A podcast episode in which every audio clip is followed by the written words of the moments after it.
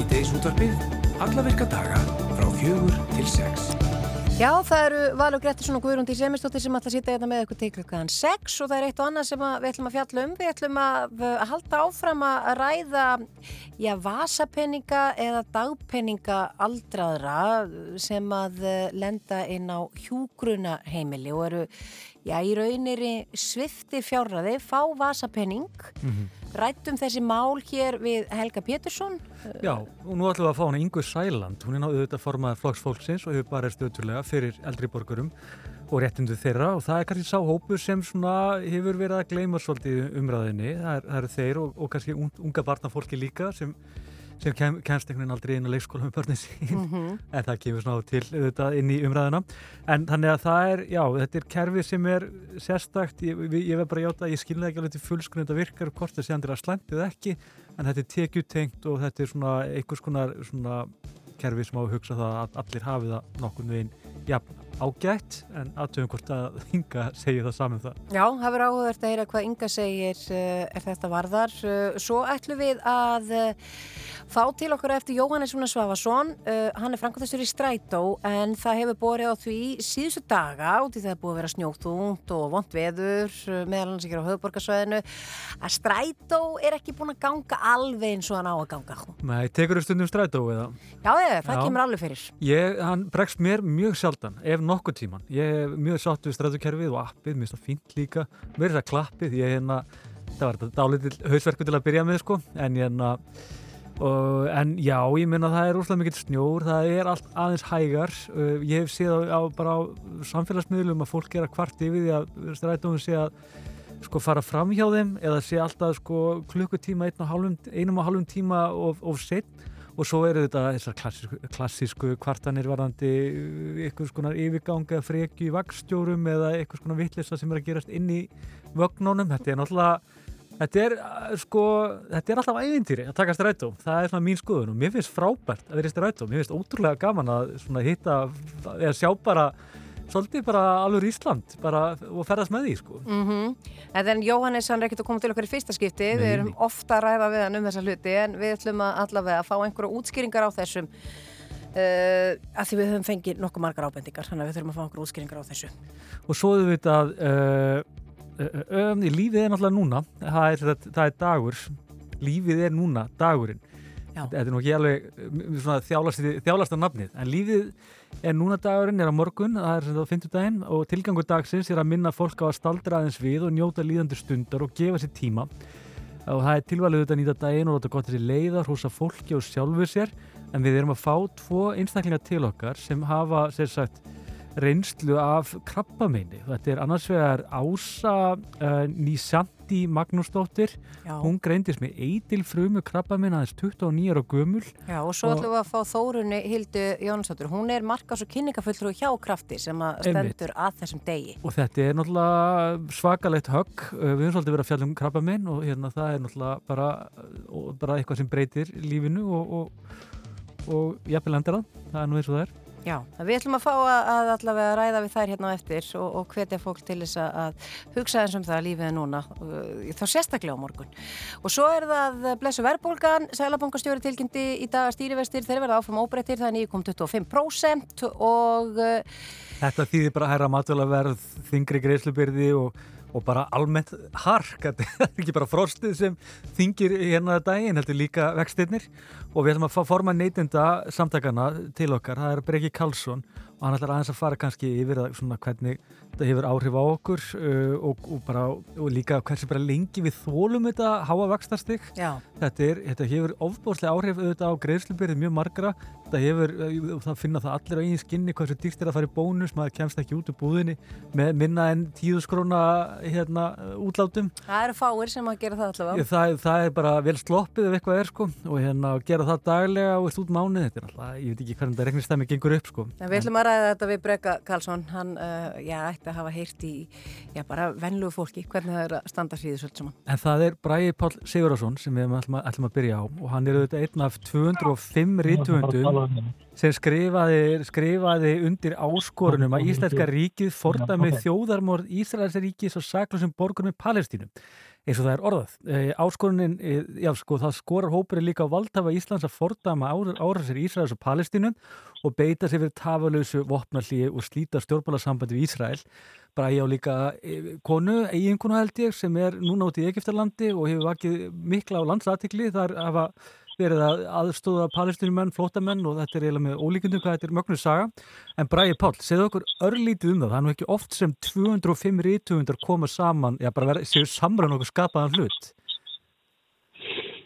Já, hei, bæðið tvö, hérna, takk fyrir að tala um mig. Uh, já, ég held að, að uh, rítuundum hafi bara blöskrað aðgjörleysi stjórnvalda og skortur á einhverju svona gaggerum yfirlýsingum og samstöðu með uh, palestinsku þjóðinni í þessu. Og uh, þess vegna hafið svona mókast alveg inn á þennan lista og ég eh, sko að þess að vilja horsa mér eða minni stjætt eitthvað sérstaklega þá þarf tölvöld mikla samkend uh, til þess að vera góður í töfundur og það þarf samkend með fólki sem við jafnvel aldrei hitt og í einhverjum tilfellum eru bara þinn hugar tilbúningur og þannig ég held að við sjáum að reytöfundar hafa verið mjög háværir í gaggrinni sinni á Ísraelsk stjórnvöld og á Íslensk stjórnvöld og, og, og þeirra hjásetu í, í öllum málum sem að hafa einhverju skipt í, í hérna, þessu yfirstandu þjóðmorði. Þannig að en... það séu tveir uh, eh, reytöfundar þarna úti núna uh, í Egiptalandi að að reyna að bjarga mannslífum það, hérna, það, ég held að það sé ekki einn sérstök tilvíðum sko. Segðu mér svona, kannski bara var þetta, þetta er svona þetta er, þetta er stálega dramatíst að slíta til að mynda stjórnbánarsambandi við annar ríki eins og Ísrael það er Ísrael eða eitthvað annar mm. ríki það er bara dramatísk aðgerð uh, myndi það að vera myndi gags, var það ekki verið til þessir umverulega að, að klippa á öll samskipti og Íslandinga gæti nú fátt gert eftir það?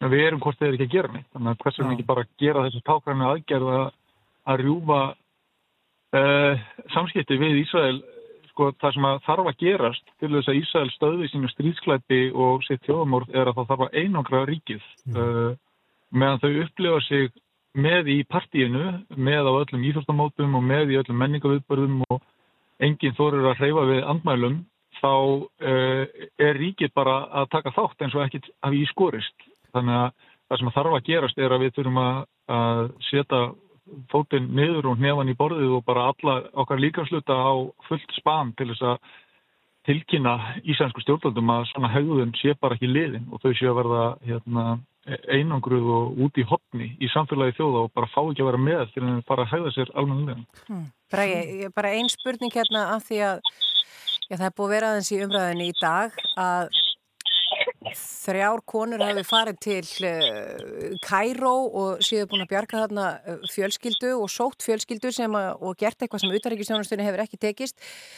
Uh, fannst þér það bara frábær hugmynd þegar að konaðin segi við þig að hún ætla að skella sér þarna uh, á þetta svæði og, og hjálpa þessu fólki? Já sko Bergþóra er búin að vinna núna að því í hérna nokkra mánuði að reyna að kortleika fyrst þessar fjölskyldusaminningar. Mm. Hvað þurfum við að gerast til þess að Íslandska ríki geti klárað hérna, uh, þennan ásetning sinna að, að samina fjölskyldur hér á Íslandi og þegar það var ljóst að það var einungis Bjarni Benediktsson sem var að stöðva þessar fjölskyldusaminningar og það, þegar það var alveg ljóst að hann ætlaði sér ekki að fullumstæðir og fóra að hérna, tengja saman þessa uh, palestínubúa sem búa hérna á Íslandi og er að byggja um að fjölskyldu sínum sé bjargað undan sprengjuregninu og, og hérna, hertara eftirlit á landamærum og alþjóðlega glæpastarfsemi sem er svo lákurlegt að það bara er alltaf hægt að koma í orð þá var það okkur alveg ljóst að, að hérna, við fyrstum að taka málinn í okkar eigin hendur. Þannig að í upphafi síðustu viku þá voru við í rauninni bara að diskutera hvort okkar ætti að fara út til þess að hérna, hefja þessa vegferð og af því að þessi vinna hafi mikið til farið inn á hennaborð, þessi fjölskyldu saminningavinna þá fannst mér bara fullkomlega lógíst að hún myndi fara út og, og hérna, byrja þetta verk.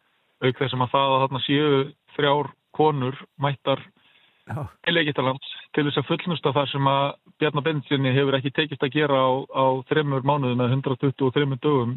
Mér finnst það bara mjög tákrænt og mér finnst það mjög fallegt og mér finnst það alveg sko brjálagslega sterkur gjörningur sem það eru að framkoma. Og svo því þið haldið til haga, þá er konan þínu þetta Bergþóra Snæbjörnsdóttir, vel þekktur rítumundur, gaf síðast út bókina, eina frábæra bók Duft, sem ég var um að ljúka að lesa. Og hérna, það er Kristín Eiríks einnig og Marja Lilja Þrastadóttir segðu mig bara, þú talar um þetta um tákgrænan svona, tákgræna í þessu. Hvað finnst þér um þetta táknæmi að þessar þrjár konur farið þarna út og séu að gera það sem ríkistunni hefur mistekist það sýnir bara að það sem að hefur skort er ekki e, fleiri fundir eða samráð millir ráðanetta eins og Bjarni sagði í sjómarspinu ítekaði gæri og það þarf ekki, það þarf enga frekari stefnumótun í málafloknum með þess að palestínum fólk er í miklu minni hluta þeirra sem að fá hérna veitt hæli. Við erum fyrst og fremst að taka móti gríðulega magna Úkrænubúum og, og fólki frá Venezuela og er það vel En þannig það að setja þessa hundra einstaklingar sem hafa sloppið í gegnum nálar augaf sem það er að fjölskyldumælimi þeirra hafa fengið hérna vernd og þau hafa fengið dvalarleifi í gegnum fjölskyldusaminningu að setja þess, þennan hóp í, í hérna, eins og ég sagði áðan í samingi við sko hert uh, hérna, landamæri og, og, og mólnandi innviði og, og alþjóðlega glæpastar sem er bara svo frálegt og hérna og bara þeim sem að reyna að fara út í þann útrekning og máluflutning bara til ævarandi skammar. Að geta ekki haft hann mandóm í sér að bjarga börnum, þetta eru sko 74 konur, 44, 74, 74, hérna, 74 börn, 44 konur og 7 kallmenn sem hefur verið að reyna að bjarga þarna. Þetta eru fyrst og fremst konur og börn sem hefur verið að reyna að bjarga út af gasa undan sprengjuregnu og við hefum bara verið að róa því öllum ráðum að að fullnusta og klára það mál. Þú talaður um að hefja þessa vekkferð það þér finnist við enda Bergþóra og uh, það er myndu hefja hana því ætlaði að halda áfram. Ég meina að sjálfsögðu meðan að það er ennþá börn og, og konur og fólk í lífsættu þarna þá er verk óunnið og hérna og frekar í stefnumótun Íslands í, í uh, málefnum flótahús verður bara að býða þannig að við erum að bjarga þessu einstaklingum sem við hefum heitið því að taka ábyrð á þarna undan uh, þessari óg sem þau standa fram fyrir. Og eins og nú, við erum að sjá núni í fyrirtum í dag þá verður þarna, þarna langveik börn, það eru þarna lífsættilega særðir einstaklingar sem eru á þessum lista, það er fólk þegar búið að deyja á þessum lista þannig að uh, þau, döðsföllega fleiri verða eru á samvisku Bjarnar Benssonar og hérna, ég vona bara að hann sé tilbúin að mæta því þegar hann kemur að litla Petri hvert hans æðuverk hefur verið. Látum það vera að loka orðin Bræði Pál Sigurðarsson, takk fyrir að gefa tíma til að ræða við okkur, þetta er mjög áhugavert. Takk hjá það fyrir mig. Takk. Rástfö Fyrst og fremst. Við erum Rástfö Já, það er engi tími fyrir tónlist í þessum þætti, allavega ekki eins og er því að við erum komin í samband við hana Ingu Sæland nýra á Alþingi Já, við ætlum að ræða þess dagpenninga, aldraðara og, og málefni ellilífyrir þegar sem eru á hjókurnaheimilum og þeir hafa verið sviftar, sviftir fjárræði rumverulega og þeim er skamtaði sérst vasapinningur. Þetta hljómar bara dálitið niðurlægandi en það er ekki endilega að vera það. Við ætlum að heyri Ingu Sæland, Sæland, Inga fyrir ekki þau, er þetta ekki á línunni öruglega? Jú, jú, Sælandi er hér, góðan og blessan daginn. Sælandi rýsu upp eins og alltaf. Uh, segðu mér uh, sko, um hvað snýst þetta mál? Þið voru að ekki aðtikla á þessu í grein á dögunum á vísi og hvað er mm. það, út af hvað hafið það að setja þegar kemur að þessu máli?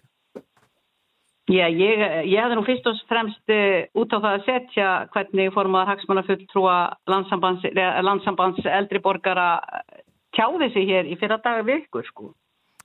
Jú, jú. Það er rosalega dapurt, það er rosalega dapurt að, að heyra það að, að hvernig hann talar okkur niður á, á alþengi íslendinga. Já, Þegar Gunnadi spyran, Gunnadi spyran hvers vegna eru málefni þess að viðkvæma hóps ekki sett í forgang, þá svarar hann bara, hvað er þetta djókið mér? Ég er sífælt að vinna í málefnum eldra fólks og gert það í nokkur ár og, og, og það verið engin áhuga á þessu, segir hann, og allra síst alþengismenn.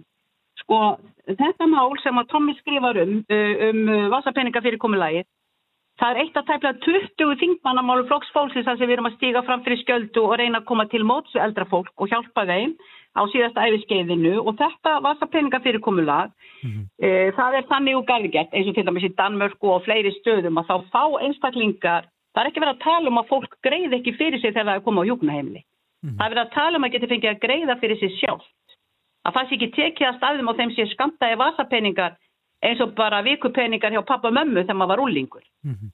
Þú fær bara að halda þín í reist þó svo að þú sett komin inn á hjúkurunaheimili ef þú hefur heilsu og bæði andlega og líkamlega getur til. Já. Þannig að, eh, og mér langar að benda á það að þarna í kringum 90 þá var gerð, einmitt svona þá var gerð eh, tilraun með þetta, hvort að skipti máli raunverulega, hvort svo sem að þau væru með sjálfræði yfir sínu fjármunum eða væru komin inn á þetta vasapeninga fyrir komulag og það var á Dalvi, Dalbæ á Dalvík, fjórir uh, karlmenn og fjórar konur sem að fóru einmitt inn á það að vera ekki undir þennan, uh, þennan þessum hæl að vera með þetta vasapeninga fyrir komulag og svo einnkjöla sem það er nú að þá virkaði það þannig að þau urðu virkari, þau fóru meira í bæin og þau urðu síndu meiri svona áhuga og meira frelsi á sinni tilveru um að vera sjálfstæð. Nú, eh, þannig að ég segi mér er opbóðslega sorglegt í rauninni og við líka í flokki fólksins og ég vil bara taka það fram. Ef að, að, að formaði landsambands eh, eldri borgara heldur að eldra fólk eigi ekki málsvar og talsmenn á þingi sem að hafa hátt, þá það mest í miskilingur Við höfum rópa og kalla, ég nú oftur sögðu vera hér reyða konan í þinginu af því ég, mér likur nú ekki látt rómur. En hérna, þeir eru svo sannarlega talsmenn Já. og að við skulum ítreka nánast allar kröfur sem að þau er að leggja fram erum við Og- komið fram í þingmannamálum, Já, frumvörpum, og, og, og, nú, núna ertu einmitt núna hérna í sítiðsútöfinu og ert að tala þeirra hérna, fyrir þetta gamla fólk eh, á þessari stundu eh, fyrir eldri borgara og ég veldi nú bara fyrir mig Já. bara svona útskýra hans fyrir okkur Hva, til hvers eru þessir vasapinningar skamtaði svona af hverju er þetta kerfi svona og hvað þarf að laga? Ég veit heil ekki af hverju það er svona vegna þess að nú hefur það líka verið ákall frá félagi eldri borgara að afnema þetta vegna þess að það er dáltið, það er dáltið eins og við getum ímyndað ykkur sjálf þegar við hafið haft ykkar fjárláð og annars líkt.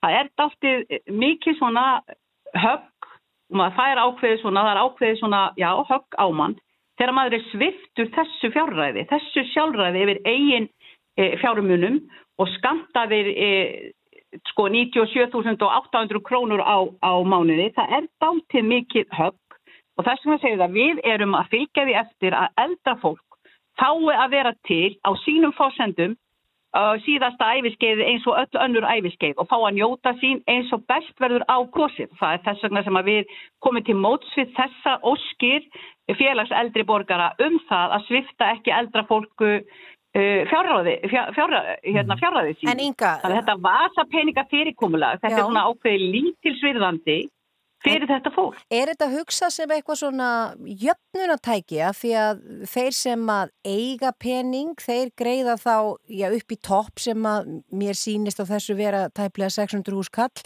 á meðan að kannski er einhver í næsta herbyggi sem að á bara ekki neitt pening að hann greiðir þá ekki neitt eða hvað? Nei, nei, ég hef nú ekki litið á það sem eitt jöfnunartæki, enda eru við í flokki fólksins búin að vera talsmenn þessar að tryggja neðstu tekju tíunda eldra fólk sem öryrkja og fátakra í landinu sem er að skrapa hér botnin, er haldið hér í sárri fátak og, og, og ná ekki að rífa sig út úr því ég er ekki, við erum ekki talsmenn þeirra sem að eiga fullt af eignum og, og hérna alla vasa fulla fjö. Það er ekki það sem við erum að segja. Við erum að segja það að með þú hefur uh, hérna, bólmat til þess, getu og vilja til að sjá um þína fjárröðu sjálfur og borga þína reikninga sem, sem að þú ert uh, krafin um að greiða til þess að geta í þessu tilviki uh, leikt fyrir þitt herbergi og þína þjónustu á hjúkunaheimili, þá áttu skilirist löst að fá að gera það. Og önnu saga er svo með fólk og þegar við erum orðin það veik að við í rauninni að það er orðin ómöguleiki en fram að þeim tíma þá viljum við að við fáum að halda okkar reist algjörlega svo lengi sem við mögulega höfum getu til. En Tommi talar hérna um þennan, eh, ég segi bara Tommi, ég er náttúrulega að tala bara um Tómas Tómasson. hann, hann talar þarna um uh, þennan starfshóp sem hafi verið undirbúningi í, í einhver nýju ár. Veistu eitthvað stöðun á því máli? Herðu, já, ég veit nefnilega að átti mikið meira en stöðun og því máli heldur en formaði landsamband, eh, landsambands eldri borgara. Hann segir nú hvorki meira en ég minna hér e, þegar hann var búin að segja að hann væri marg, marg, marg búin að reyna að tala við okkur e, að þá e, þetta fólk, að þessi nýjára gamla skýrsla, hún er til, segir hann, og hún liggur í einhverju ráðuneytinu og kallin getur bara kallað eftir henni, sniðugt fyrir hann að vakna þess upp og kalla eftir henni. Þessi skýrsla er ekki til. Hún er búin að velkjast um einmitt í gegnum þrjár, þrjár, hérna, þrjá einhverja stýrihópa eða starfshópa sem hafa verið að vinna að því að koma á einhverju skikki en nei, ég get uppfrætt uh, ágættan formann uh, landsambands eldri borgarum það að hann fyrir með ránt mál. Þarna alveg eins og þegar hann er að ráðast á alþingismenn í heilsinu og segja enginn gerir neitt og hann sé marg, marg, marg búin að ræða málinn. Þessi maður hefur aldrei nokkuð tíma hóst í augu við mig og rætt um stöðu eldri borgara. Eh, já, hann verður einu sinni komið á þingflóspil. Hann náttúrulega er ekki hér til þess að tala hérna, Ég var heldur ekki þar, Nei, en, en hann náttúrulega er svo sem upplifir kannski ákveði mannmætti sjálfur og kannski á- ákveði svona hvað maður að segja, það er, það er ekki mikið að gerast á alþingi að kemur á málafloknum, það er alveg á hreinu og það kannski getur, getur hann upplifað sem einhvers konar svona, hvað maður að segja aðgerðarleysi Já, hann var alls ekki gaggrína flokk það var ekki fólksins. flokkur fóksins sem var undir Nei, það og ég, ég, ég, hefur, hefur, algjörlega hefur óalandi. alþingi gert eitthvað í þessu málaflokki síðastliðin tíu ár myndur þú segja það? Já, við höfum náttúrulega, við höfum til dæmis náð hefur, hefur flokkur eh, fólksins náðu? Já, að sjálfsögðu höfum við náð einhverju í gegn. Þetta spyrja mér alvöru, veistu það ekki? Fylgist ekki já, þú segðu, segðu, þú, segðu þú okkur einmitt, af því að hann upplifir Ég ég ákveðið dæmis- aðdarmaleysi Ég get nú til dæmis sagt þér það að okkar fyrsta mál sem við náðum í gegn, það var þegar við fengum það í gegn að væri hægt að skatleggja eða skerða styrki. Það var þannig að fólk sótt um styrki til livja og tækjakaup og annars líkt og þá var litið á þessa styrki sem tekjur, þeir voru skatlaðir Mhm, og þeir skertu síðan keðjuverkandi allt í kringum félagslega stuðning og annars líkt sem einstaklingurinn hafði áinni sér. Mhm. Þannig að við komum því í gegn og uh, það var einróma samþýtt af Já. alþingi Íslendinga. Við erum búin að hjálpa mikið í sambandi við, við hérna, leiðsöguhunda fyrir sjónskerta, tækjakaup og annað slíkt. Við erum búin að koma nokkrum málum í gegn þó ég sé nú ekki með þetta þetta ok. er svo agalega mikið sko. En jú, við erum að Já. taka litlu málinn sem skipta marga máli Já, og það sem hryggi mig bara, það er í rauninni þegar maður að leggja, leggja sér virkilega fram. Ég er nú til dæmis að mæla fyrir einu frumvarpi í dag. En nú þurfum við að, að við að, fyrir- við að brenna út af tíma, en ég er kannski bara að loka orð. Segðu mér bara, hvað er svona til ráða bara ef við ætlum aðeins að einbytta okkur að þessum sérstakka uh, ángamálsins? Hva, hvernig getum við, uh, hvað þurfum við að gera til þess að, aldrei að fá að halda rissinni og, og, og fjárraða auki? Við þurfum náttúrulega bara að hlusta á þau og hægt að, skáka þeim fram og aftur eins og þau séu, eins og þau hafa ekkert sjálfstæði eða ekkert sjálfræði og séu bara gengin í battó. Við verðum bara að hug, hlusta á þau, alveg eins og lítur að staðrænu og öðru slíku að þetta, þessir einstaklingar koma hérna með í sín og segja ég get ekki farið á punkturis. Ég, ég er ekki með svona heimabanka.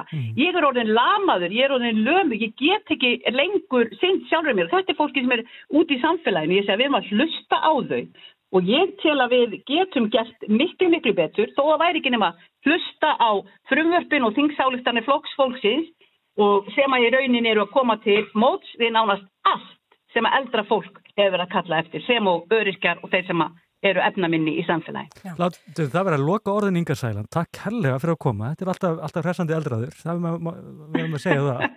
Takk fyrir ykkur og ég segi bara við formannin, elsku Helgi, hlustaðu bara á okkur, við erum tilbúin í spjallið og bara kynna sér stöðuna betur. Við erum að reyna að gera okkar besta og við getum gert betur ef við vinnum saman.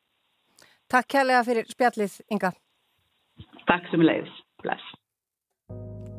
Ég reyna að koma mér gegnum daginn og læt eins og að allt sé í lægi. Síðan ber ég sorgin í hljóði, ég næ að leika leikin ég tóri. Eyði ekki dýrmætri ork í það, að dvelja bara við allt sem amaðan.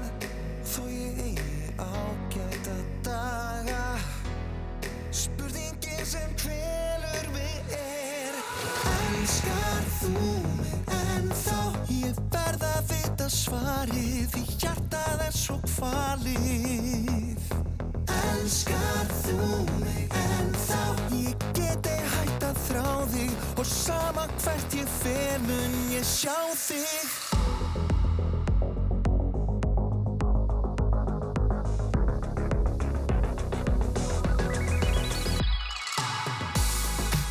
Minningum sem mér eru sendar. þá Tekum varða lengur að nefna. Það sem fór í taugarna forðum Get ég varða líst því með orðum. Ef ég vakna morgunin sólbjörndan Ég verða að sapna stík til að þóla hann.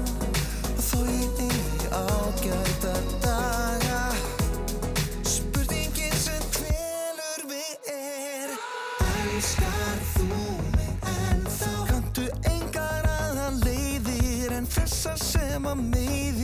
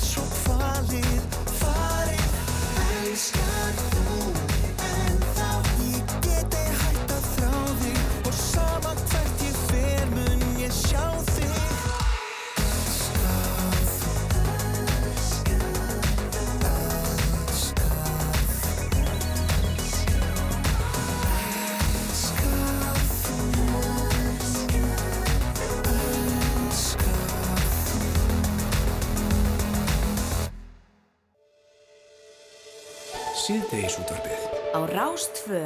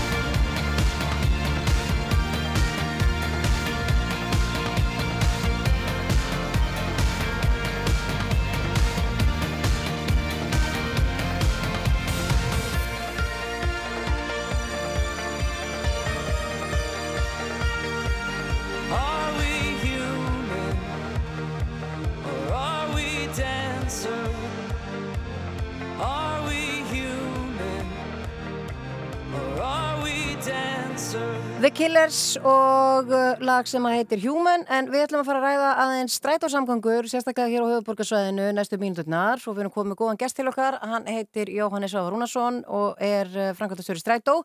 Kontur Sællablesaður Já, komiði blessuð. Uh, ég, það hefur aðeins uh, borið á því, sérstaklega hefur verið að taka eftir því á internetinu að fólk er svona að kvarta yfir þjónustu stræt og upp á síðkastið uh, í ljósi þess að Já, hann, er bara, hann er bara það er bara þannig, það er það sem fólk er að kvart yfir og hvað, það, ég ímyndi mér að það sé nú bara út af veðri og vindum og, og slíku, eða hvað? Já, já, það passar alveg rétt, þetta er alveg hár réttar aðvarsendur sem við fáum hann á internetinu, eða samfélagsmiðlum vantilega. Uh, við erum búin að sjá það svona kannski eftir að byrja að snjóa eitthvað ráði hérna, fyrir kannski eitthvað tveim-þrjum vikum með maður rétt, að strætó hefur verið, sérstaklega setnipartinn, svona alltaf 80 mínum og set, það er svona það mesta sem við séð. Já. Og það er kannski ekki alveg alla leiðir sem lendi í þessu, en þetta eru leiðirna sem keira í gegnum þessi hverfi, það er miðbæinn, leiðin sem keiri sæbrutuna er alveg sérstaklega slæm. Og við sáum bara í þessari viku að, að það voru bara held ég einni fimm vagnar á sömu leið fastir á sæbrutunni í lengri tíma. Það var það, við sáum bara, þeir sá að milli hver annar getur við sagt sko. Og, og þetta er svona því miður kannski svolítið árlegt vandamál í, á þessum kannski dimmestu og snjómestu mánuðum Já. En hvernig er það þá þegar hann er verður einmitt 80 mínútum og seitt sem að hljóma bara mjög mikið uh, er þá verið að uppfæra alltaf í appina því ég hef heyrt líka kvartanir þess efnis að hann hafi verið seitt og fólk sé búið að býða í kuldanum í klukkutíma, tí, klukkutíma og tíu mínútur eitthvað svo leiðis en svo séu enga tilkynningar eða ekkert að, ekkert að sjá inn á appinu. Er, er það allt tipptopp hjá okkur? Nei, nei, það er ekki tipptóð, það fer náttúrulega svolítið mikið úr skorðum við svona rosasenkanir, þetta er nú kannski vesta tilfelli sem ég talaði um, en þegar við settum til dæmis upp rauntímakortin og svona, þá gerðum við nú vilt ekki ráð fyrir að vera meira setn en 30 mínútur. Þannig að það sem gerðist hérna um daginn var það að þeir hurfu bara út af rauntímakortinu og engar upplýsingar. Það er búið að laga það núna, vegna þess að nú erum við búin að li- upplifa það að vera svona rosalega seinir, svona almennt sko, þú veist, þetta gæti verið ein og ein leið mjög sein hérna áður fyrir ef áraugstur eða eitthvað leysl eða eitthvað kom fyrir vagnin en þarna var þetta svolítið almennt þannig að við löguðum núna rauntíma kortið. Þannig að nú eiga á fólki alltaf að sjá vagnana, jafnvel þó við séu svona seinir en það breytir því ekki að hann kemur ekkert fyrir það sko, þó að sé hann á rauntíma kortin en við vitum það og ég er alveg þar í hópi sko að upplýsingar er manni mjög mikilvægur Og þetta er aðalega bara snjór og umferðarteppur og, og slikti það ekki. Það er engar aðra ástæði fyrir þessu. Bara þungu umferð á, á álagstímum. Já, svona, svona myndi segja svona 80-90% af tilvægunum er það. Það getur, það getur líka verið að vagnin hafi lendi áræstri Mhm. og þá náttúrulega er mjög erfitt, við reynum þá að koma vagnin innan 15-20 minna, það er mjög erfitt þegar umferðin er eins og hún er. Já. Uh, ef vagnur er mjög seitt svona almennt, þú sem hann hefur lendi í ykkur, lendi á eftir ykkur sem hefur lendi í áræstri og það er að stoppa í smá tíma, þá getum við tekið hann á leið og látið hann fara aftur þannig að ná í tímatöflunni en þegar við erum komin inn í þennan sítiðis umferðar tíma þá kemst hann ekkit fram hjá neinu sko. það er svo- engin möguleiki að koma hann framfyrir En svo eru þau með sér agreinar. Er það ekki að hjálpa heil mikið? Já, það hjálpar heilmikið en það eru því miður ekki víða það er ein löng og góð sem að liggur hérna frá sogamýrinni eða hjálpræðsernum og niður að löngu hlýð og hún hjálpar auðvitað gríðarlega mikið og, og þar sér fólk náttúrulega vagnin kera frá hjá en á annar staðar er þetta svona 50-100 metra bútar hér og þar þannig að Já. þetta er eitthvað sem að átti að koma miklu meira af hérna 2014-15 Mhm. en, en svona einhvern veginn hefur ekki gerst En Jóhannes- nú er verið að tala um þetta komi með brugalínu En getur verið að því að ég hef líka fengið ábendingar um það að svo sé strætó bara stundum að keira framhjá stoppstöðinni. Getur verið, Jóhannes, að Mm. það séu bara strætóbílstjórar hérna úti sem eru orðinir allt og þeir eru í bara einhverju panikki og eru að reyna að halda einhverju áætlun og annað slíkt uh, til að fá ekki á daskin að þeir bruni framhjá fólki sem að stendur uh, já, bara mjög ábyrrandi í, í strætóskíli.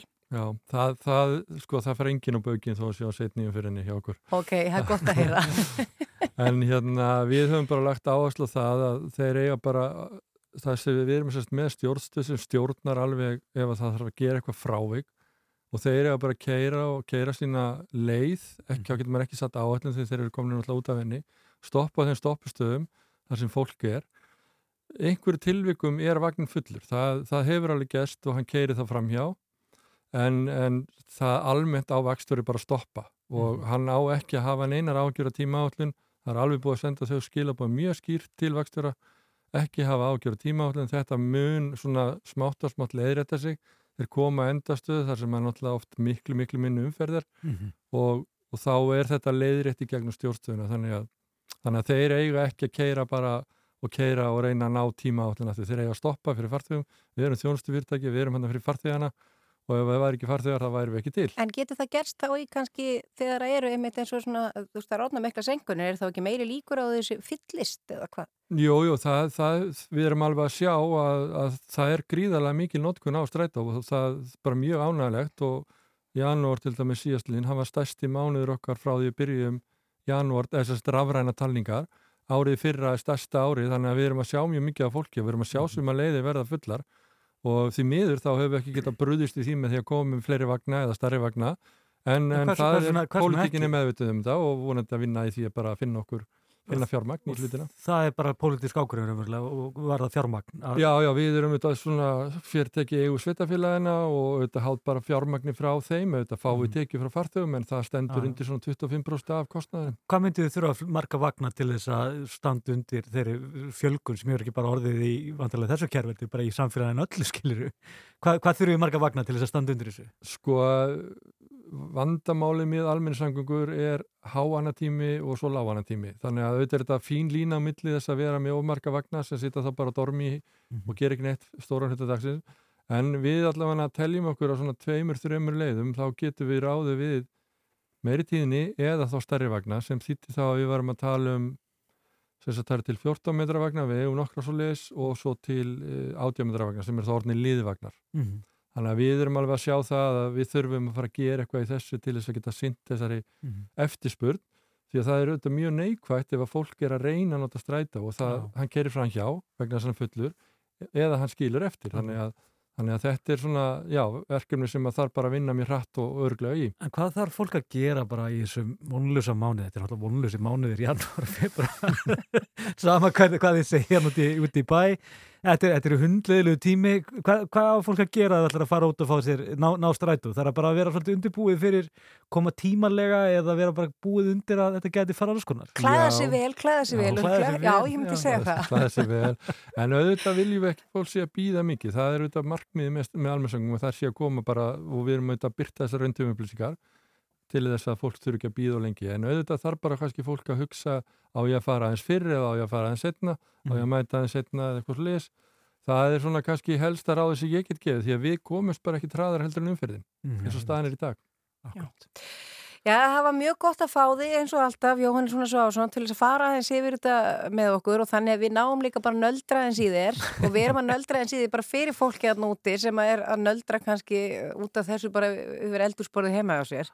Þannig að nú er allavega að koma svör við þessu. Bara gangi ykkur vel. Já, takk fyrir það.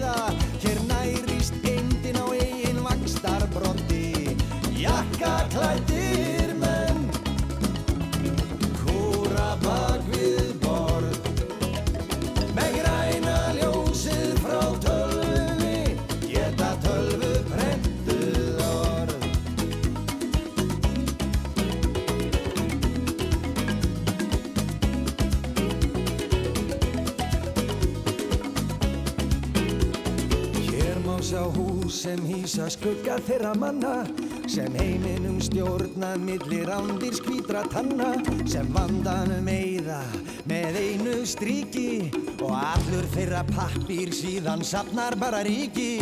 Og flokksvelin lofar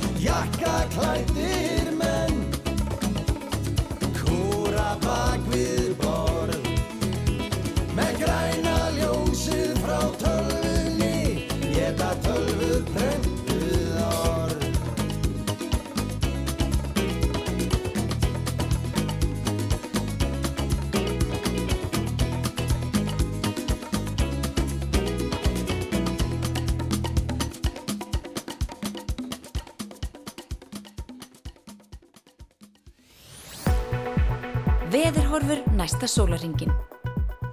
Já, ef þið ætlið að taka strætó í dag eða morgun eða hinn eða bara fram að helgi þá er ég nú hrættur um að það verði áframdáliti kallt það er, þetta skánar ekkert. Það er, er áttast þegar frost á morgun. Það er nánast bara vissla í dag með að við það verður á morgun. Svo verður nýju stega frost hérna á höfubröggarsvæðinu þar að segja, ég, ég er nú bara að tala um höfubröggarsvæði núna. En það verður nýju stega frost á förstudaginn og þetta er ennþá kaldir að við erum komin hérna norður á Akureyri er, þetta mínus nýju og tíu og á miðhálendinu átján hérna gráði frost. Þetta er, þetta er ekki, það blæs ekki byrja við getum morðað þannig. Nei, ég myndi alltaf að eins og þú segir mæla með því að fólk klæði sig vel eða það er að fara að taka strætó. Eh, það er samt uh, það er ekki mikill vindur Nei, þannig að það er kannski það sem er að fara að bjarga okkur í þessu að því að það að vera með svona frostatölur og svo líka vindkælingu Já. það er ekki að gera neitt fyrir mig allavega. Ég fóð með hundin út um daginn í einmitt 6-7 stega frosti og það var bara verulegu vindur og ég held að ég hef verið í bara góðum 10, mínus 10 gráðum að, með hundin og hún eiginlega bara baði mig að fá að fara heim. Bordir kolli alveg þrældugleg og þetta var agalegt Já, það er líka að huga eins að þessum elskum. Það má ekkert fara út með þessu smáhunda og svona í svona Nei. veðri nema að uh, klæða þá í peysur eða jakka eða eitthvað og sluðs það liggur við að maður þurfa að gera það líka með fjárhundana sko, þó að þeir, þólu nú meira að minn allt sko. Já, en þetta lítur út uh, þá það er norrlega átt 5-15 metra á sekundu, það er kvassast suðaustan til, það er víða létt skíða en lítur þetta jél fyrir norðan og það er kólandi veður, það var nú óskaplega fallegt veður samt á höfuborgarsæðinu svo hérna í dag. Breytilega átt 3-10 á morgun og bjart með köplum en stöku jél á norð, uh, norðvestan til og frost 3-15 steg eins og þú sagðir og kaldast inn til landsins norðan heiða. Já, svo reyndar uh, hérna, fyrir nú aðeins að hlýna eftir helgi þá reyndar kemur regning á, á Östurlandinu og það verður svo sem það verður hittatölun að fara upp í 5 gráður hérna á, fyrir Östana í það minnsta 6 gráður á ílstöðu sínus mér. En það verður áfram smá frost hérna allavega suðvestan til. Ég verð alltaf haldið hrætt við þessu aukvar af því út með, eins og þú segir, áttastega frost á föstudaginn og svo er hitti komið við frostmark síðan á sunnudag og bara 60 að hiti og, og, og rigning á Já, þau eru pældaðið sem er í þessu, hvað þetta er raunverulega, mm, þetta eru þetta eru 20 gráður til og frá að milli daga, sko, sem þetta fyrir upp og niður. Já. Þetta er alveg, þetta er ofbústað mikið. Við fengjum nú bara að vera með 20 gráður bara í pluss. Alltaf. Alltaf. Það væri voðaljúft. En það stýttist í frétti klukka 5 og tilkynningar og uh, nóg eftir að sýta í sútapinu ef við ekki að leifa YouTube bara að fylgja okkur Jú. fram að fréttum.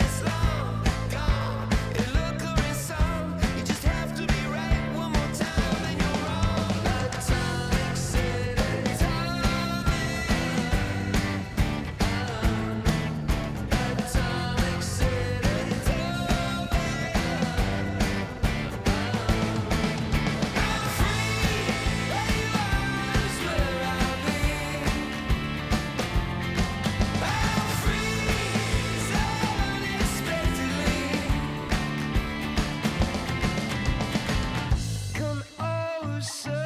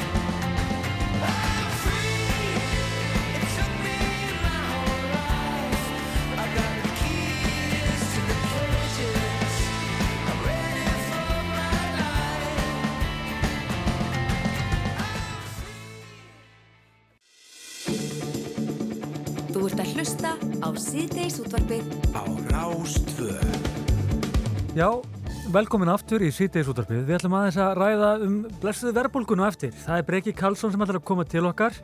Hann veit ímislegt um verðlag uh, og bara álag og al almennt bara, hann er almennt skynsam með maður fyrst með þegar kemur að þessum málum, eða hvað? Jú, þetta er líka bara því að stýrivextir er að haldast óbreyttir uh, þá hugsaðum við bara hvernig er þessi dýrtíð að koma niður á neytendum? Hann ætti að geta svarað því. Og sko ég rætti mitt við fyrir hérna, fyrir, fyrir fréttastofun á dögunum, þá rætti ég við hérna, hann er hérna, uh, forstuðum að greiningadildir Arjónbanka, þetta er allt mjög flókið og, og maður þarf að fara, að fara rétt með. Og hann sagði um mig að þeir myndu líklega ekki lækka vextina fyrir í fyrsta lagi mæ þannig að að þið eru örvæntar núna þá, þá er þetta rétt að byrja. Mjög langt ánga tilvalur Það verður komið sól, frástum verður farið sólinn, já, vorið er komið sumar er komið, Mögulega. Þannig að þetta er eins og þetta er Já, við ætlum allavega að fjallum þá eftir og svo ætlum við að heyri Arnar ekkert líka Já, heyrðu, það er doktorinn sjálfur, tónlistadoktorinn, þeir eru nú ekki margir við standi. Nei. Hann ætlar að koma til okkar, hann er að halda endurmyndunanámskeið sem er alveg áhugavert, tengt við Mhm. leikhús og ef það er nú eitthvað sem ég þekki, þá var það nú leikhúsið. Já, það. Já, Mikill áhuga maður. Áhuga maður, vann sem er gaggrínandi og annað eins og, hérna, og, og ég skrifa leikrit, ég skrifaði leikrit fyrir þjóðleikúsi 2017. Já. Já. Valur, við erum náttúrulega bara að kynnast, þannig að nú er ég að heyra eitthvað alveg nýtt, þannig að það er gaman að því. En við ætlum að ræða við hann um þetta. En við ætlum að byrja á lífið er núna deginum sem að verður uh, haldinn á morgun. Það er tilgangu dagsins er að að minna fólk á að staldra eins við, njóta líðandi stundar og gefa sér tíma. Það er líka tilvæli að nýta daginn til þess að láta gott að sér leið að hrósa fólki og sjálfum sér og það er kraftur stuðningsfélag ungs fólks með krabba minn og aðstendenda sem að stendur fyrir þessum degi og við erum komið með góða gestinga til okkar. Það er hún Þórun Hilda Jónasdóttir, hún er markas og kynningafulltrú hjá krafti og Ása Nisjanti Magnúsdóttir, eh, velkomnar. Takk fyrir. Já, við byrjum á þér, uh, Þórun, að þú segir okkur aðeins frá þessu, þessum degi sem þið ætlaði að halda. Þetta er nú ekki fyrsta sinn sem að lífið er núna dagurinn er haldið. Nei, þetta er í annarsinn sem við höldum lífið núna daginn og það bara tókst svo vel til í fyrra. Það var bara ekki spurning að gera þetta bara aftur og bara fyrirtæki og einstaklingar tóku bara vel í þetta með okkur. Þannig að við bara blásum í lúðra og bara aftur skal talið í og tilgangurinn með þessu hjá okkur er eiginlega bara svona að minna fólk á þetta, þú veist, að staldra eins við, nýta þennan góða dag, kannski til að ringja loksins í ömmu sem þú ert búin að vera spökular í að gera lengi, starta lífstilsbreytingunni sem þið vel dreymt um eða taka þér bara smá tíma fyrir sjálfan þig eða þú veist, tæma ruslaskapin loksins, eitthvað svona, þú veist, bara þetta er svona dagur þar sem þú lætir hlutin að gerast. Mhm. og hérna, og kannski fyrirtæki brjóta upp daginn, hafa kannski ekstra gott í morgunkaffinu, þú veist, hróstagur þú veist, leinivinnaleikur hvað sem er, þannig að já, það er svolítið svona bara það sem okkur langa að setja smá gleði hérna út í daginn Já, og þeir eru líka með þessi arbönd, það er búið að vera perla á krafti og, og lífið er núna arböndið, það er einstaklega fallegt núna þetta Mhm. arbönd. Uh, hugmyndir á baka það?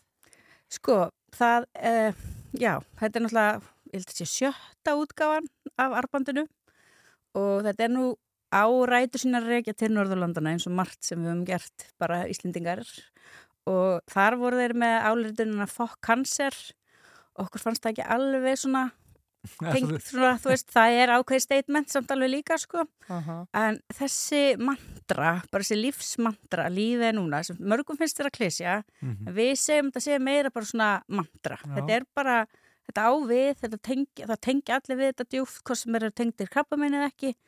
Þú veist, það er ekkert garantera næsti klukktími, við vitum það ekkert, sko. Og, og kannski, kannski kærkomi tækifæri til að gera bara litla breytingar í lífinu, hvernig sem ástendur. Já, það er svolítið þannig og þetta er svo gott, veist, að hafa arbandi á sér hafa þessa áminningu að það, þú, þú veist, fórstu auðvitað meginn fram úr í morgun, þá, ah, já, myndu, hú, hú, Gunnar- ekki, þú veist, hafa þetta, Gunna, Gunnar- tekur það til þín.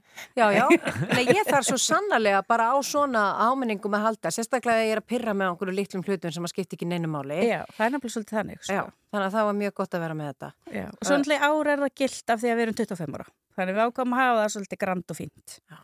Þannig að, geggjað. Yes. Það er mjög fallett. Já. En Ásanni Sjanti Magnúsdóttir, uh, þú ert hinga komin til okkar, velkomin. Takk fyrir. Uh, Fengu þið hinga til þess að, einmitt, segja okkur aðeins þína sögu og, og hvers vegna þú þurftir að leita til krafts? Sko, uh, ég var ég var 29 ára þegar ég greinist með eittlafrum krabba minn og, og fer í bara aggressífa meðferð þegar það greinist eða þú í ljós.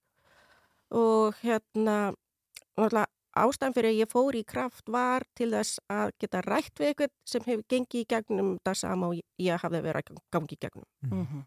Af því þú náttúrulega kannski, þegar maður er 29 ára og, og þú vilt ræða þetta og væntalega þarf að ræða þetta við vini og svona, en, en þeir hafa eflust ekki gengið í gegnum neitt svona, þannig að þá er ekki þá kærkomið að tala um þetta við einhvern sem að Jú, að veit því það- nákvæmlega hvað þetta gangi gegnum. Nákvæmlega, að því þú veist, það þetta, er, þetta er svo mikill tilfinningar úr sér panni og þetta gerist bara eitt fyrir búm og maður þarf svolítið einhvern veginn að setja sér bara bara í þannig stellinga eins og ég gerði. Ég bara ákvaða bara ég ætla að berjast. Mm. Að ég árið áður þá hafði ég mist mömmu mín úr krabba minni. Að þá var bara ekkert annað í búið en bara að berjast. Úf, og áttu börn kannski sjálfu eða? Já, ég, hann var þryggjára þá. Sónur? Já. Vá, ok. og þannig að það hefur vantilega haft mikil áhrif á þig þegar þú hefur ákveðið að berjast. Já, því ég vildi náttúrulega bara sjá hann vaksa. Já. Já. Og hvernig vor, var til að mynda bara að fá fregninnar að þú væri, væri með krabbamenn og, og þetta krabbamenn líka, þetta er kannski krabbamenn sem kannski almenningu þekkir ekkert sérstaklega vel heldur. Það var náttúrulega mikið sjokk. Af því ég, þú veist, náttúrulega fyrsta hugsun bara er ég að fara sömu leið og mamma. En ég ætlaði ekki að tafa leið. Nei. Ég ætlaði bara að lifa.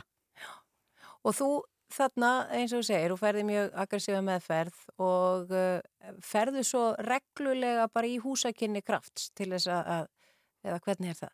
Sko ég byrjaði ekki fyrir enn svona í kringum 2018-19 Mm. og hérna og svo var mér, svo kynntist ég eða þú veist að okkur var sagt að það væri hægt að fara svona stuðningsfulltrúanámskeið sem ég gerði af því ég bara, mér fannst bara tilvæli að gerast stuðningsfulltrúi að þar sem ég er búin að vera báð með yfir línuna og mér finnst bara mjög gott að geta að hjálpa fólki sérstaklega þegar það er að gangi gegnum svona erfitt verkefni. Já. Hvað fannst þér svona þegar þú líður tilbaka, ég meina uh, bara að koma sér í gegnum þetta, ég ímynda mér að það þurfi svolítið mikið viljastyrk, svona hva, hvað fannst þér mikilvægast þú varst að berjast við þetta krabba minn? Var það stöðningurinn, var það hugafarið, var það... Hugafarið og svo náttúrulega stuðningurinn, jú, Mhm. en bara að því þessi livjameðferð sem ég fór í var svo aggressív að ég var nánast veik alveg í nýju mánuði. Já. Þannig að þetta ár ég man ekkert mikið eftir. Já, ok. En í dag, uh, að því að við erum að tala um þetta lífið núna og við erum að pyrra okkur, við vorum að tala hérna við frangatistur strætó og við vorum að pyrra okkur á því að strætó er alltaf setn í þessu veðri og svo erum við að pyrra okkur á náttúrulega vakstastígin og okkur svona. Er þú að pyrra þig á einhverju svona eða fer maður að líta lífi bara einhvern veginn, all, bara sjá það í allt öðrum litum og ljósi eftir að maður gengur í gegnum eitthvað svona? Maður að meira á svona, hvað að, hvað segir maður, njóta þessi litlu hluti, þú veist. Já. Bara njóta augnabliksins? Já. Já. Og bara, þú veist, ok, strætur setn, en hann kemur á endanum, þetta er svona bara svona hugar. Já, hímur og jörðir ekki farast og það komi þóldi seint. Já, þannig að þú myndir þá hvetja að því að, já, ég líka velti því fyrir mér, kannski þú getur svarað því, þarna, Þórun, er, er, er, er þetta þungskrefa að, að stíga fyrir ungt fólk sem að hefur greinst að, að fara og sækja sér aðstöði í kraft eða, og svo kannski loksins þegar þau koma að hugsa þau, vá, ég hafði þetta að eitthvað leta til eitthvað miklu fyrir. Já, sko, þetta er, þetta er líka, sko, sem sagt í raun og veru þegar fólk greinist, þá fær það ákveðið, hérna, gjafapoka frá okkur sem eru með bæklingum og bók, bókin okkar sem eru uppfyllu upplýsingum og góða öllasokka og krem og alls konar næsett. En svo er þetta samt ákveðið skref að taka að fara inn í svona samst, að þú veist, inn til krafts í raun og veru. Mm. Að þetta er líka bara ákveðin viðurkenninga á stöðunni sem þú ert í. Já. Að hérna, en svo í raun og veru, það er líka margi sem að fatta og veru svolítið of seint bara í ferlinu. Ég hefði þetta að fara fyrir inn af því að þið fatta hvað er gott að tala við aðra á þessu jafninga grundvelli. Að þú getur talað svolítið hispuslausara þegar við erum, þú veist, við erum með stelpukraft og strákakraft og þau eru að hittast og deila alls konar upplýsingum, þú veist, erum með svartari húmor, gagvart krabba minnu sem þú kannski myndir ekki tala um við mömmu, þú veist, djókar ekki með sama hlutin Mhm. og svo getur þú líka að opna frekar á svona hluti sem að þú kannski, þú veist, þú ert bara skítrætt við að deyja, þú ert skítrætt við að missa hárið og þú vilt kannski ekki ræða það við makaðinn, að þú vilt ekki ræða hann. Já. En svo ertu með fólk þarna sem er verið á sama stað, að bara, já, ég uppgölu þetta líka, þá, já, ok, þetta er ekkert skrítið að hugsa svona. Mhm. Þannig að það er, já, þú veist, þetta er svo, þetta er ótrúlega mikilvægt fyrir fólk og eins líka bara þess að nota við sögur fólksins okkar í þessari vitundavakningu og bara á vefnum okkar, á samfélagsmiðlum af því að fólk þráir í raun og að fá að heyra sögur annara til að upplefa sig ekki einn. Af því eins og þú sagðir áðan, þú veist, 29 ára og það er engan sem fengið þetta og eru aldrei heyrt þetta orð. Akkurat. Þú veist, hvað á ég að gera? Mhm. og með því að bara vita að kraftu sér til að það sé þá fyrsta hugsun, bara ok, veit kraftur eitthvað Já. og þannig eru bara sögurnar, þannig er fólkið og við erum með þetta stuðningsnet, það er bara fólk sem hefur gengið í gegnum þetta sama og við getum para fólk saman, þannig þú getur bara heyrti einhverju sem hefur líka fengið eitil fyrir með krabbamein og þá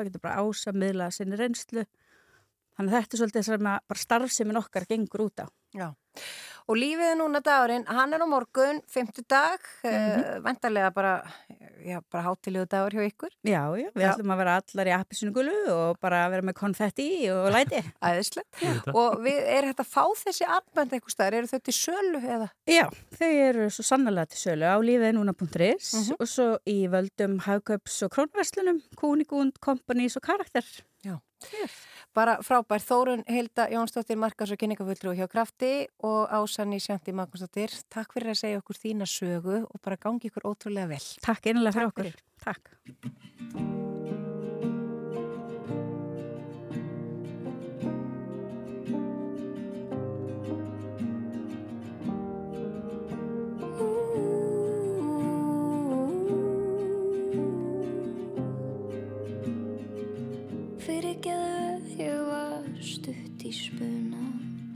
Held ég hafi ekki heyrt spurninguna? Ég á það smá til er ég horf á þig. Þú ert alveg hættur að ringja í mig. Þú þarft ekki að afsaka Ég skil þig. Þú skuldar mér ekki neitt Þú segist vilja vera vinur minn En allt sem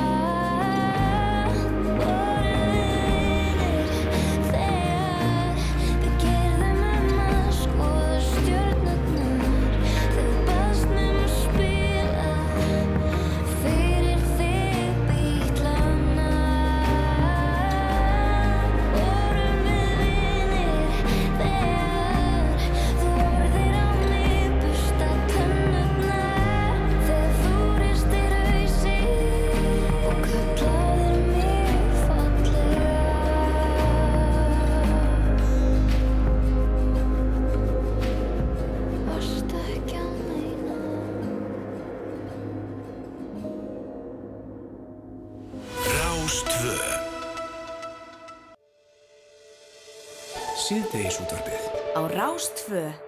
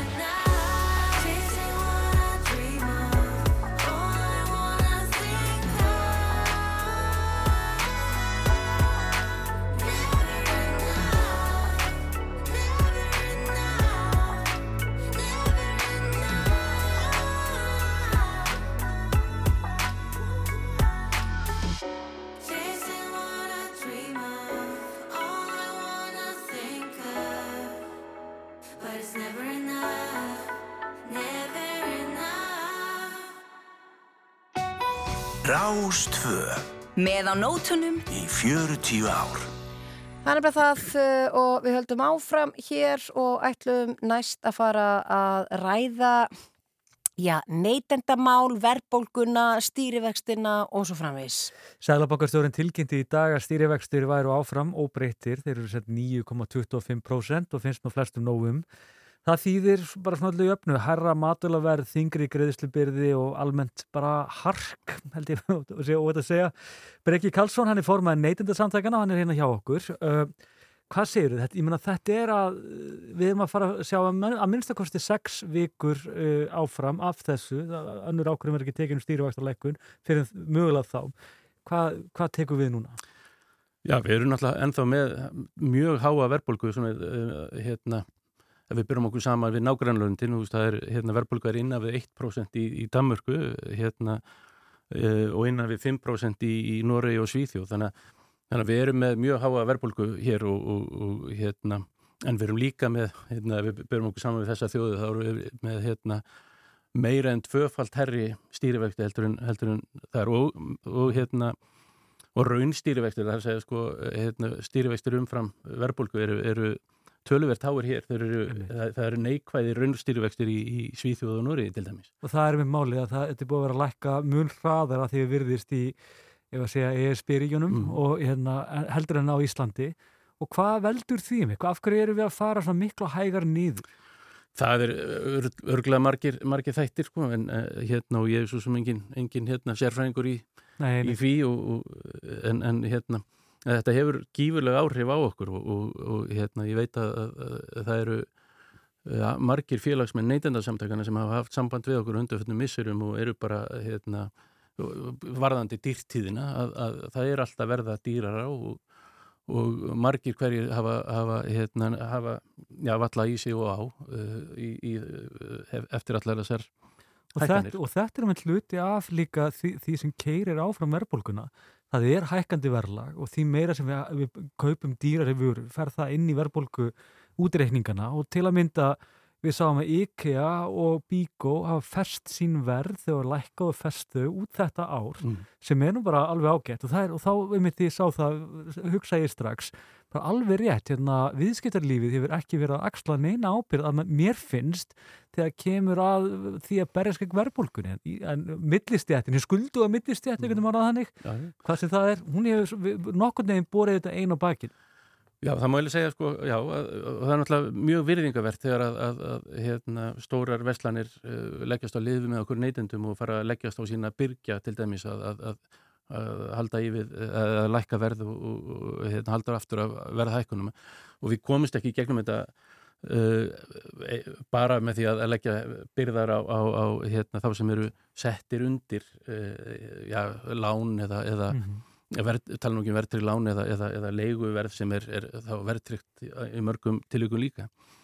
Og við sjáum til dæmis að þessi, þessi, hérna, þessi gífurlega háu stýrivextir 9,25% þetta, þetta er hérna ja, í Svíþjóð eru, eru stýrivextir 4% sko, og, og hérna, 4,5% í, í, í Noregi og ennþá lægri í Danmörku bara, um... bara til þess að, að setja þetta í eitthvað samhengi sko, þá er hérna hvert stýrivextir er svona, kannski svona grunnvextir uh -huh. í, í samfélaginu og, og hérna og uh, húsnæðisvextir taka svolítið miða því uh, hvert einasta prósentustig ef, ef við horfum á það fyrir fólk sem er að greiða af, af hérna húsnæðisláni uh, ef við horfum á heldarstappan af húsnæðislánum á Íslandi þá er það um það byrj 2700 miljardar sem eru eh, í aðlánið uh, og að meðaltali er fólk með um það byrj 25 miljónir króna í, í húsnæðislán sem eru er búin að borga allt upp og sem eru miklu meiri en það. En ef við tökum svona meðaltal 25 miljón króna þá er 1% stug til eða frá jafngildir það 250.000 krónum á, á, á ári eða um það byrj 20, eða rúmlega 20.000 krónum á, á, á hérna á mánuði. Já, kjarabætur, meira átt að kjarabætur getur bara komið bara í gegnum það að lækka vextina og þeir munu lækka, fólk það nú ekki örvænta með það að lokum. Já, en ég meina, hversu lengi höldum við þetta út? Við áttum öll að einhvern veginn hjálpa stað og, og, og einhvern veginn halda þessum bát á, á floti og ekki taka tásumindir á tenni. En ég meina, Já, en- fólk hlýtur að fara að vera bara óþreyfullt og, og, og svo eh, bara er hlýtur að vera að fara að herða alveg svakalega að.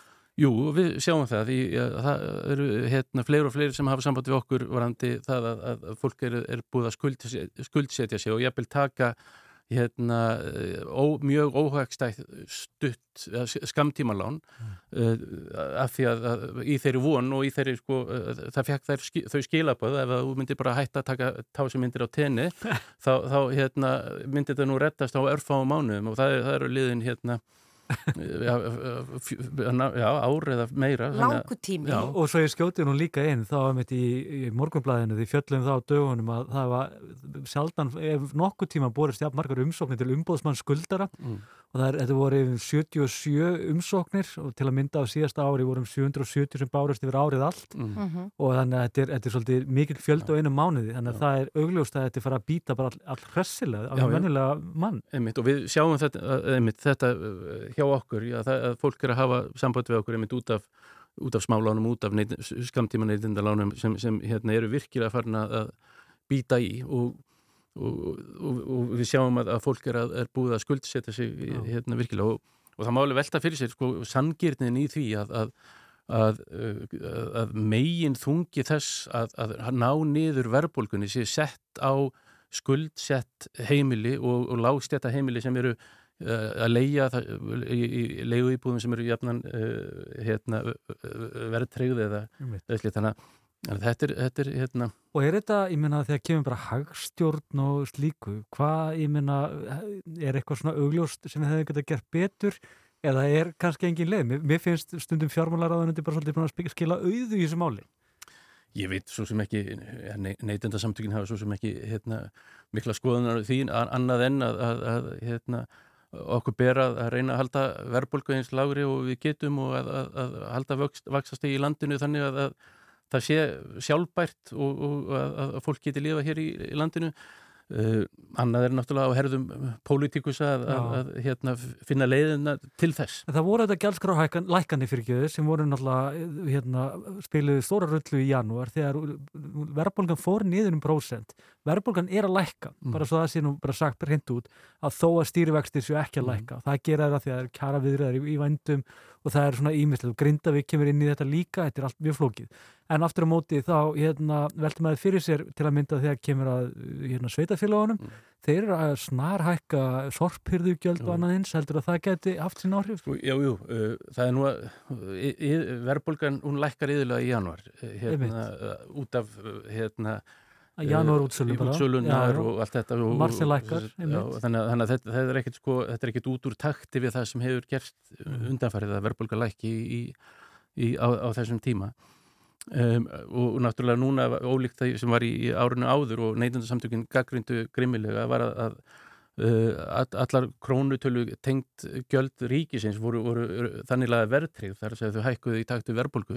Uh, þau gera það ekki núna þannig að það hefur áhrif til þess að, að, að, að hérna uh, verðlag er, er, er, er ekki að hækka. En, eins og þú segir á móti kemur að, að sveitarfélugin eru að hækka sínar gjaldskrár uh, þó nokkuð mikið og, og, og Það kemur niður á fólki. það kemur niður á okkur, okkur öllum sem notum, notum þjónustu sveitarfélagana það er alveg rétt Já, en eh, eins og Valur kom að hérna áðan, ég held að þú hefur ekki verið komin að það er kannski ekki útlitt fyrir að þetta fara eitthvað að fara niður eins og stýrivestinir fyrir enn í mæ mm. menna þólir já, allt fólk það Ég er nú svo bjart sitt sko. ég, ég hérna, spái því að, að það veri hérna, komið vor og, og, hérna, og, og bjartari tímar sko, með, blóm í haga. Já, mm, allir bara, allir fyrir bara, það sko. allir bara grillandi og, og, og hafandi og hugulegt og... Já, já, eða, eða allavega að fara að sjá fram á bjartari tíma. Ég, það hlýtur að koma því að, að, að þetta, hérna þetta er búið að vera svo lengi, svo hátt uppi Já. og, og, hérna, og raunstýrivextir eru svo, svo hérna, háir núna. Mm. Ég, bara En hvað, en, en, en Breki, veit þú kannski ekki, ekki, ekki alveg sérfræðingur í þessu, en það að þetta sé búið að vera svona á þessi dýrtíð, ég man ekki til þess að nokkuð tíman hafi eitthvað lækkað þrátt fyrir að, að það verði betri tíð, þannig að erum við, við erum ekkert að horfa fram á það eða allt í einu ákveði menn að lækka bara potta Nei. mjólk eða hvað. Nei, nei, ég held að, ég held að á, á, hérna, frá upphæfi mælinga hafi tvísvar mælst verð hjöðnun á Íslandi hérna, e, þar sé á hérna, og það hefur, Það hefur verið fyrir- einstakar aðstæður. fyrir stríð sko. Já, og eins með menna, húsnæðismarkaðin, þeir sem eru með, uh, já, bara verðtri lán og annars lít, það, það lítur að vera búið að hlaðast á þau þegar að loksins uh, það fyrir að róa til í þessu. Jú, jú, það segir sér sjálft að, að það voru með verðtri lán og, og, og hérna og ver, verðbólgan hefur verið eins og hún er þá, þá hérna þá sapnast upp hérna, skuldahali. En það, það góða kannski við það, það jafnast kannski svona einhver litinu til út að lokum með fastegnu- fastegnum og svo framvegis. Já, Þannig að, það er nú akkur það sem við megum við, það er að hækki fastegnaverð hér. já, já, þetta er alltaf stór fyrirleitt að gera við hérna. En já, Breki, bara takk kærlega fyrir að koma til okkar og svona aðeins velta þessu fyrir þér með okkur og já, bráðum kemur betri tíð. Múnandi. Takk. Þú ert að hlusta Á síðdeis útvarpið á Rás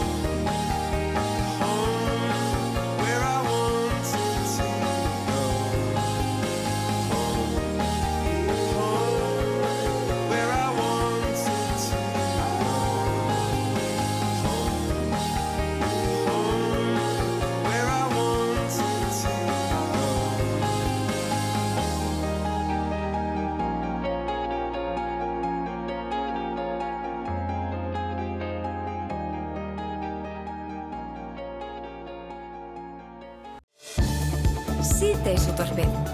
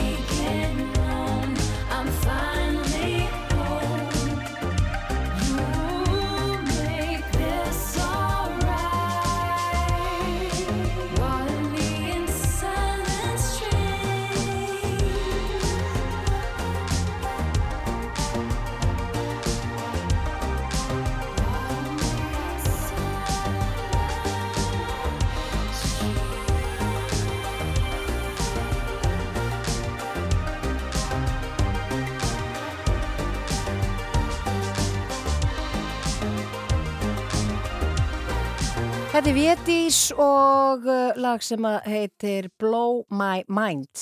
En við ætlum að fara að tala um já, leikús uh, já, þetta er út í flóki sem við ætlum að fara að tala um. Býttu nú við, við erum að tala um tónlist og leikús Já. Þetta heitir nú, þetta er svona kallaði söngleikir Það gæti verið. En við heyrðum þess að því að Arnar Eggert Tórótsen, hann er tónlistadoktor það er nú ekki, ekki margir í Íslandi sem eru doktorar í tónlist. Hann gæti kannski svaraði Hann gæti svarað þessu og hann er með námskeið fyrir endurmöntun Háskóla Íslands vegna sýningarnar Eitur og lítul pilla í borgarleikusinu og það er oft svona námskeið, þetta er stórsniðu þetta er oft fyrir svona, þú fara að hamlet þá ge- getur þú fara á námskeið og lært allt hvað er, hvað er Shakespeare að hugsa hér og þar, Mhm. en þetta er námskeið í Alanis Morissette, er það ekki, Arnar? Jú, takk kærlega fyrir og stór sniðut einmitt sko. Sýningin er sem sagt, uh, þetta verður frumsýnd í næstu viku og hérna þannig að ég var fenginn til að sjá um námskeið um Alanis Morissette þar sem verður svona farið í hennar sögu og hennar áhrif og auðvitað hlustuðu líka á músíkinn hennar og spáum og speklurum. Já, eru einhverju sem að vita ekki hver Alanis Morissette er?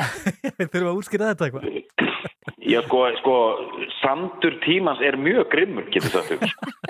Já, svo sannarlega.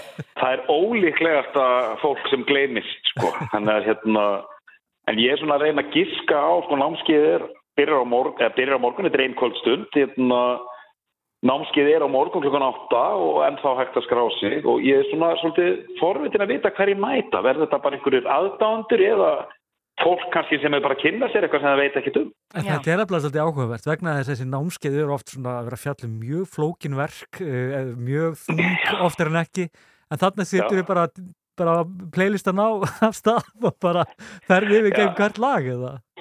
Já, já, ég sko, þetta er auðvitað hérna og nú, nú verð ég að hérna stilla því fram að þetta er auðvitað gríðalega flókið og alvarlegt mál sem ég er að fara í. sko. Já, ok. Hérna, dægurtónlist er þetta sko, þetta er í rauninu það flóknasta sem kemst í. Þetta, þessi tónlist sem er svona, hvað segir maður, svona soundtrack okkar lífs, Já, sko. já, góðu punkt. Við, við nennum ekki að vera inn einu niflungarring, sko. Það er bara vitleisa, sko. Við þurfum að fara í alvöru músík, sko. Já. En, ég, hérna, en eins og já. með Alanis, hún er, Já. ég hlustaði náttúrulega Alanis, þú veist, bara þegar ég var 13 ára, eða 13, 14, þetta- hún, hún er að gefa út uh, þessa plötu þá. Hún var, var hún, var hún reið? Eða var hún í ástasorg eða eitthvað svona, ég er að spyrja þig því ég veit það ekki. Jú, sko, ég meina þetta uh, Jacket Little Pill, eh, þessi platana kemur út 1995 og markar tíunda áratugin all svakalega og ofsalega mikilvæg plata fyrir konur sem kannski var aldrei leift, þær þurfti alltaf að vera fínar og flottar á kantinum. Mm. Þarna kemur hún bara fram öskrand og ætnandi með mjög svona, svona innihaldsríka texta, svona opindagbók, er að tala um hérna eitt og annað og, og þú veist, segist hérna að vera að stunda ákveðna kynlýsathafnir inn í hérna, kvikmyndasölu með kærastanum sínum. Mikið af þessu var alveg nýtt og bara þetta hristir rosalega mikið upp í svona, frekar kynjuðum hérna popheimir, sko. Já. Þannig að þessi plata var áhrifaríkari en bara út af því að veist, lögin voru náttúrulega mjög hæglega sm- smíðuð og, og þetta, þetta er frábær tónlist sko og þó hún, ég, ég, þegar ég hlusta á þetta mér finnst þess að ég sé bara að fara í einhverja mjög slæma minningu frá tíunda áratögnum sko því ég var úrlingur í einhver ástasorg sko en, hérna, en, en, en þetta hefur augljóslega hérna dýbri merkingu allt saman Já, já, hérna, það, það, þú ert ekki einn af það að eiga slæmar minningar frá tíundarátökum, sko. En hérna, en það, en það hefur komið al, það hefur komið aldrei ljós svona í seinni til sérstaklega hvað það var áhrifarík plata, sérstaklega fyrir hvern fólk og, og að nú er sinnið þetta Connor nýláttinn, sko. Og þá hafa konur mikið verið að stíga fram og, og, og telja sérstaklega fram hvað þessar konur höfðu mikil áhrif á þar bara sem þú veist, konur og kynverur og, og hvað má gera og hvað má ekki gera sko. Mhm. Já. Og, og Alanis var líka daldi ein sko, það var ekki mikið af svona, þú veist, einmitt reyðri músík sem náði samt í meginströmmin þú veist, nóg til af einhvern svona nirvana hljómsveitum, strákar með gítara en hún var svolítið svona brautriðandi í þessu öllu sko. Já, og þá er alveg eðlilegt að maður hafi tölvert á þetta og kannski litið upp til hennar en, en einmitt skinnið hana sem reyða. Einmitt, einmitt, fullkomlega og bara, já, tímamóta verk í, í músíkinu verði ég að segja, sko. Og hvað er hérna, ertu búin að eitthvað á sýninguna sjálfa og reynsli og svona, ég meina, eða, æfingar? Sko, við verðum í borgarleikusinu og hérna, þá átt að getur gefst færa á að lappa svona aðeins um settið, sko. Já. Og þetta er söngleikur sem, Alanis sjálf kemur að samningu meðal annars. Og hérna, þannig að já, við ætlum aðeins að svona, hérna, vikla fólk inn í þetta. Það, það fær að fara ekki bara baksviðs heldur upp á svið líka, sko. Nú, no, no, no, no, Og, no. en, ég, en, en ég hef ekki séð af þessum söngleik, sko, ég þarf að býða bara til næstu. Já, þetta, þetta er, þessi söngleikur nú bara mjög vel þekktur, þetta er Diablo Cody sem skrifar þetta og er handriðsöfundur Mm. og hún skrifaði líka Juno, það er margir sem munur eftir þeirri Ok. bíómynd Æðislega mynd. og er mitt og Young Adult líka og hérna að þetta fekk hérna, ég held að þetta fengi, já, 15 tilnefningar til tónivelununa, það er hérna þannig að þetta er, þetta er greinlega einhver hörkusýning og alvöru stykki Já, já. og það Já, er eins og, eins og oft verða, þá er nú bara heilmikil dýfti í öllu saman þegar, þegar hólminni er komið. Algjörlega og hérna, já, ég er svona eins og heyrir hérna, takk fyrir að segja mér á síningunni, ég er þetta bara hægir hend hérna með þetta verkefni sko. En Arnar, er of seint að skrá sig á þetta? Nei, allt galopið. Já.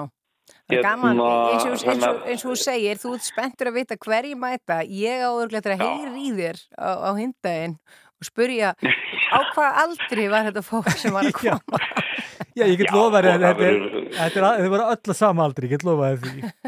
Hérna, það, það verður mjög áhugavert að sjá svona hvað, hérna, demografíuna, hvað, hvaða fólk þetta er og af hvaða kynu og svona sko. Ég, hérna, ég sendi, ég skal senda þér SMS Já, gerð það í fríminútum. Já, þú gerir það. En sagt það er þetta skrá sig á endurmentun HÍ og þetta er annað Mhm. eitru lítið Mhm. pilla og, og þú með Mhm. allan þinn fróðleik með þarna Jú, já, já. auðsa úr honum þarna viskubrunni. Absolutt. Já, takk fyrir að vera á línni hjá okkur og gangið vel annað kvöld. Minnst það, takk fyrir. Já, blessaður. Bye. Þá ætlum við bara að heyra hérna eitt af þessum lögum. Ironic, Þetta skilgreindi náttúrulega alla mína úlings, öll mín úlingsár, meira að minna. þetta lag. Já. Já, það eru margi sem að tengja, sko. Heyrur þetta? Já, maður söng svo mikið með þessu. Gömlu stereogræðnar í herbyggju og lokuð hurðin og svo bara sungið. Það er þannig.